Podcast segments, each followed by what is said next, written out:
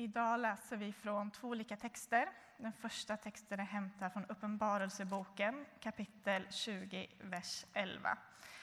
Eh, ni hittar det på sida 897, ni som har de röda biblarna. Och jag såg en stor vit tron och honom som sitter på den. Och jorden och himlen flydde inför honom, och det fanns inte längre någon plats för dem. Och jag såg de döda, höga och låga, stå inför tronen och böckerna öppnades. Och ännu en bok öppnades, Livets bok. Och de döda dömdes efter vad som stod i böckerna, efter sina gärningar. Och havet gav tillbaka de döda som var i det, och dödsriket gav tillbaka de, död, eh, gav tillbaka de döda som var i dem. Och de dömdes efter sina gärningar. Och döden och dödsriket kastades i det brinnande sjön. Detta är den andra döden, den brinnande sjön. Och det var en som inte fanns uppskriven i Livets bok. Och var och en som inte fanns uppskriven i Livets bok kastades eh, i den brinnande sjön. Och jag såg en ny himmel och en ny jord. Till den första himlen och den första jorden var borta, och havet fanns inte mer. Och jag såg den heliga staden, den nya Jerusalem, komma ner från himlen, från Gud, redo som en brud eh, som är smyckad för sin man. Och från tronen hörde jag en stark röst som sade Se, Guds tält står bland människorna och han skall bo ibland dem och det ska vara hans folk och Gud själv skall vara hos dem och han ska torka alla tårar från deras ögon. Döden skall inte finnas mer och ingen sorg och ingen klagan och ingen smärta ska finnas mer. Ty den som en gång var, bort, eh, en gång var är borta och han som satt på tronen sade Se, jag gör allting nytt. Och han sade, skriv, ty dessa ord är trovärdiga och sanna. Vi läser också från Johannes evangeliet kapitel 5, vers 22 till 30. Och det är på sidan eh, 757.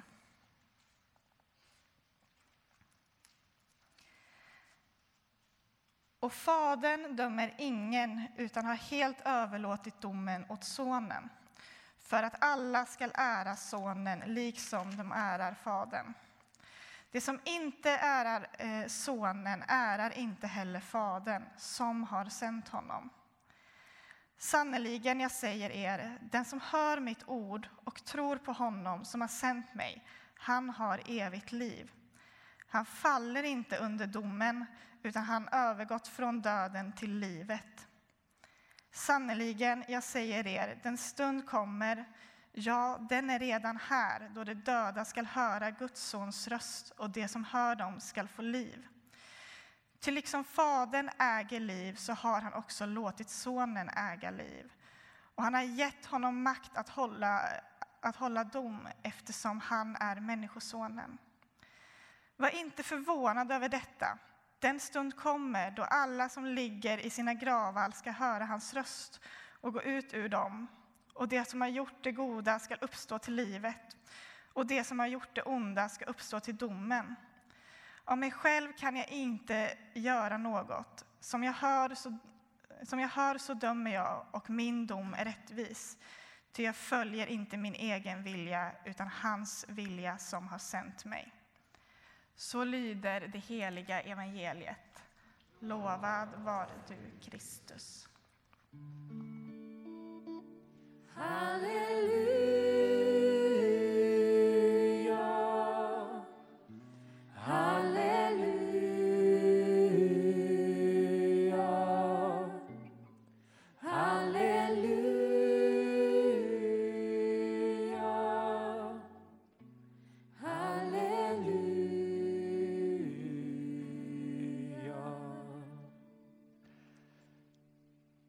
Jesus, ge oss din ton, din beröring också denna dag.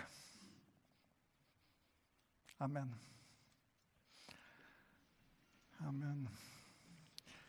Ja du Johanna, vart är vi på väg?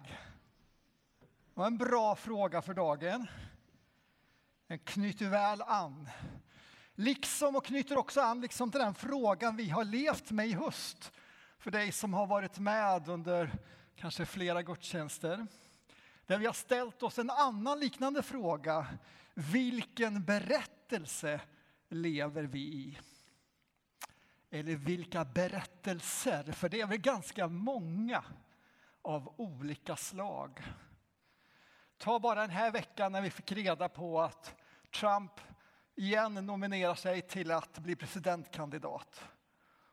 Och när jag läser det så börjar jag förundras över hur är det möjligt, från min horisont i alla fall, att denna man får sånt genomslag med sin berättelse om valet och analysen om världen och annat.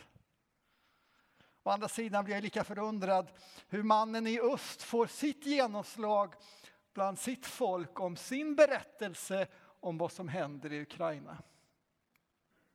Men vi har också berört i höst berättelser som kanske ligger närmare oss av olika slag. Ta exempelvis marknadens berättelser som ju söker få oss att se vår tillvaro som marknadsandelar och se våra medmänniskor som konkurrenter på ett eller annat sätt. Det finns många berättelser som vill forma oss utifrån övertygelser, utgångspunkter av olika slag. Och syftet de här söndagarna, den här hösten har ju varit att framförallt återerövra, återupptäcka, förstärka att leva i Guds berättelse. Att kliva in i den, leva i den, av den och ut den.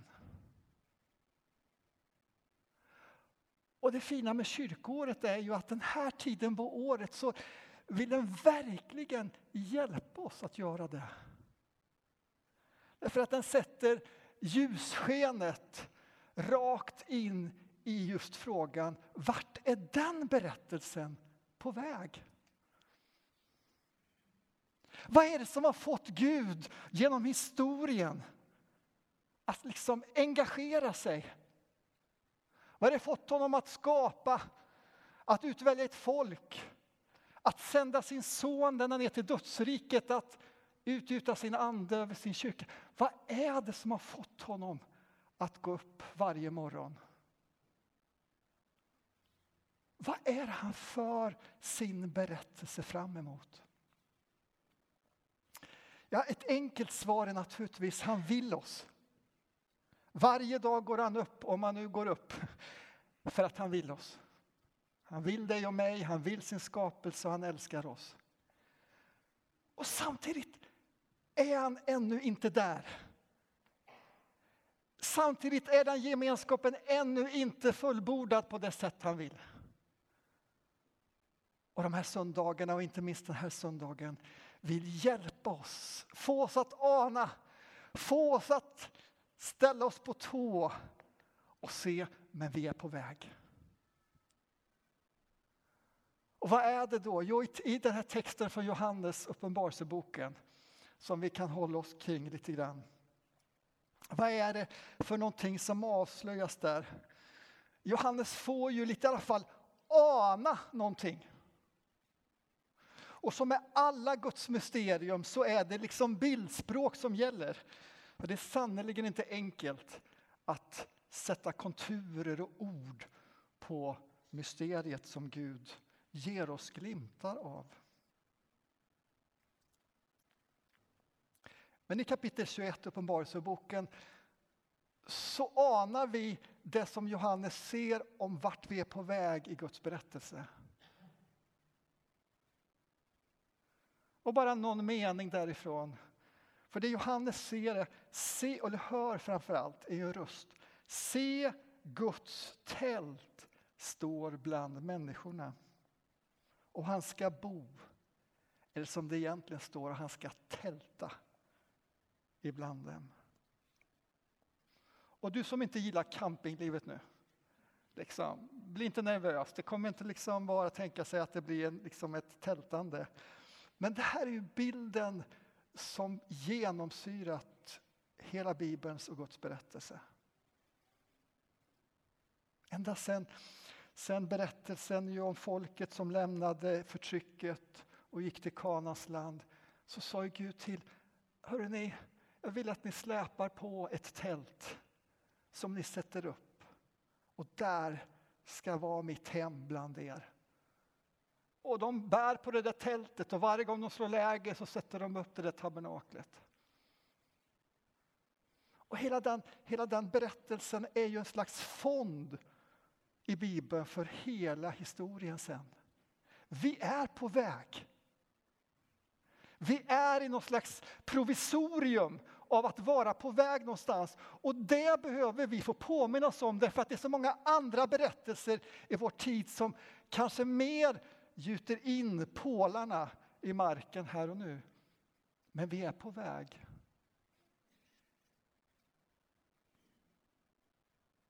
Tabernakeltältet ersätts ju sen med ett pråligt och stor katedral, templet. Som sen när det rivs ner och sen med tiden ersätts av det Johannes säger i, i sitt evangelium, första kapitlet. Ordet blev kött, det vill säga Gud blev kropp och tältade ibland oss. Då är det Jesus som är tältet, hemmet. Det är bara det att det var ett väldigt tillfälligt besök där, de där åren. Så sen blev det kyrkan som blev tältet, platsen, templet, närvaron där Gud gör sitt hem i skapelsen. Här, när vi möts mitt i vår bristfällighet och mitt i våra intensiva liv som du talar om, så väljer han det. Men det är ändå ju en gemenskap som är liksom på något sätt osynlig. Men här blickar Johannes in. Guds tältande i sin skapelse består nu av att himlen har förenats med jorden och Gud, Sonen i sin kropp, tar sitt hem i den skapelse han har skapat. Det blir en gemenskap, det blir en tillvaro som sen beskrivs. Och, och, och, Johannes kan inte hitta någonting annat än negationer. Du vet vad det inte är likt som. Det är, inte, det är en, en tillvaro som inte innehåller smärta eller panikångestattacker eller oro för morgondagen. Det är en tillvaro som vi bara kan ana någonstans skulle kunna vara möjligt. Där slår den i blom. Med Gud, med Sonen i sin kropp, närvarande i sin skapelse.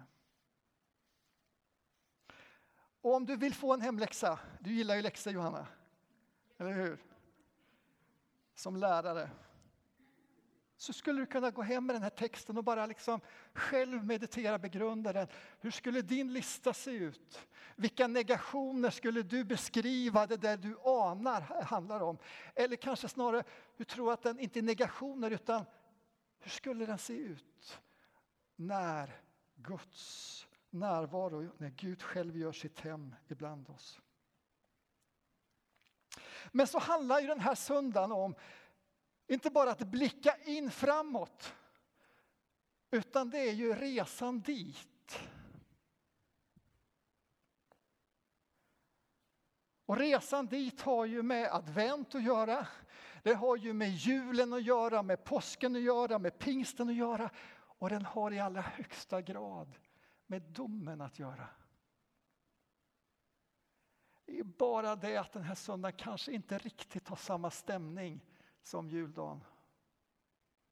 Eller samma känsla av osjälviskt utgivande liv som påsken.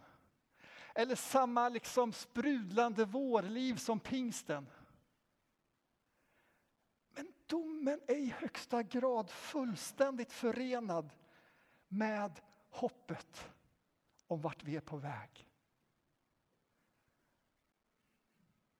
För att om inte den här dagen, om vi inte får fira den här dagen också, där Gud faktiskt kommer sätta sin punkt för det som går i en annan riktning. För det som motsträvigt motverkar och motarbetar Guds berättelses intentioner. Men han kommer göra det.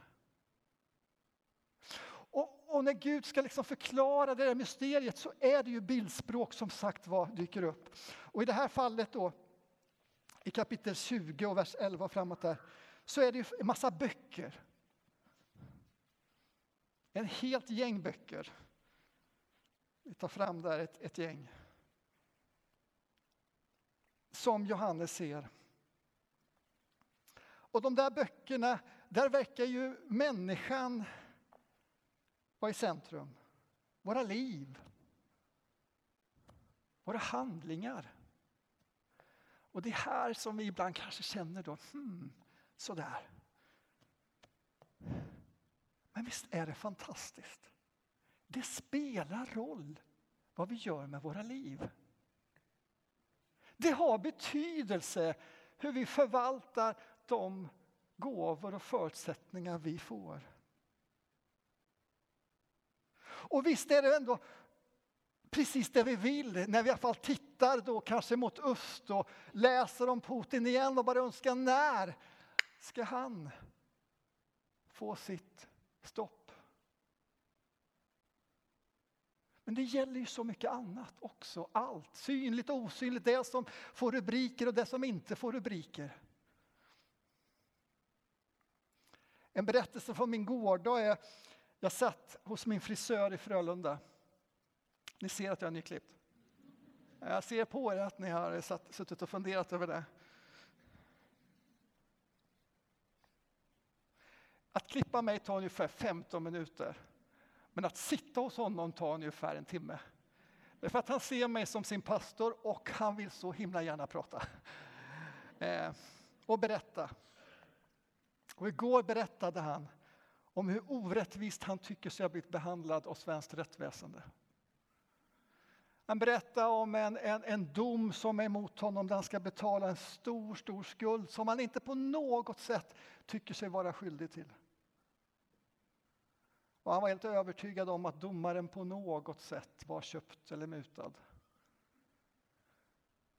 Och jag sitter där och ser ut, vet, halvklippt är det värsta man kan se ut som.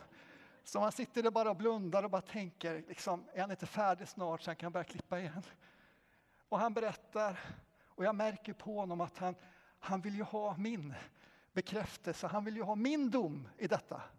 Och så sneglar jag bakåt på alla som väntar i kö, som väntar på att han ska bli klar och väntar på att jag ska hålla med honom och ge min dom så att han kan klippa igen. Och jag tänker, jag har inte en aning